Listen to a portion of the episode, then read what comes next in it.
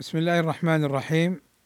أيها الإخوة المستمعون والأخوات المستمعات السلام عليكم ورحمة الله وبركاته. وبعد فتأخر الغني عن تسديد الحق لأصحابه ظلم. قال رسول الله صلى الله عليه وسلم مطل الغني ظلم فإذا أتبع أحدكم على مليء فليتبع. قال ابن عبد البر هذا يدل على أن المطل أي التأخير على أن المطلع على الغني حرام لا يحل إذا مطل بما عليه من الديون. وكان قادرا على توصيل الدين إلى صاحبه. وكان صاحبه طالبا له لأن الظلم حرام قليله وكثيره انتهى. وهذا الحديث يغفل عنه كثير من الناس فنراهم يأخذون أموال الناس بالباطل ولا يؤدونها إليهم ويتلاعبون بها.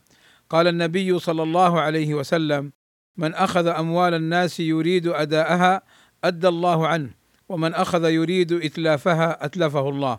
قال الحافظ ابن حجر رحمه الله تعالى قوله أتلفه الله ظاهره أن الإتلاف يقع له في الدنيا وذلك في معاشه أو في نفسه وهو علم من أعلام النبوة لما نراه بالمشاهدة ممن يتعاطى شيئا من الأمرين. قال ابن بطال فيه الحض على ترك استئكال أموال الناس والترغيب في حسن التأدية إليهم. عند المداينة وأن الجزاء قد يكون من جنس العمل وفيه الترغيب في تحسين النية والترهيب من ضد ذلك وأن مدار الأعمال عليها وفيه الترغيب في الدين لمن ينوي الوفاء. انتهى. والسلام عليكم ورحمة الله وبركاته.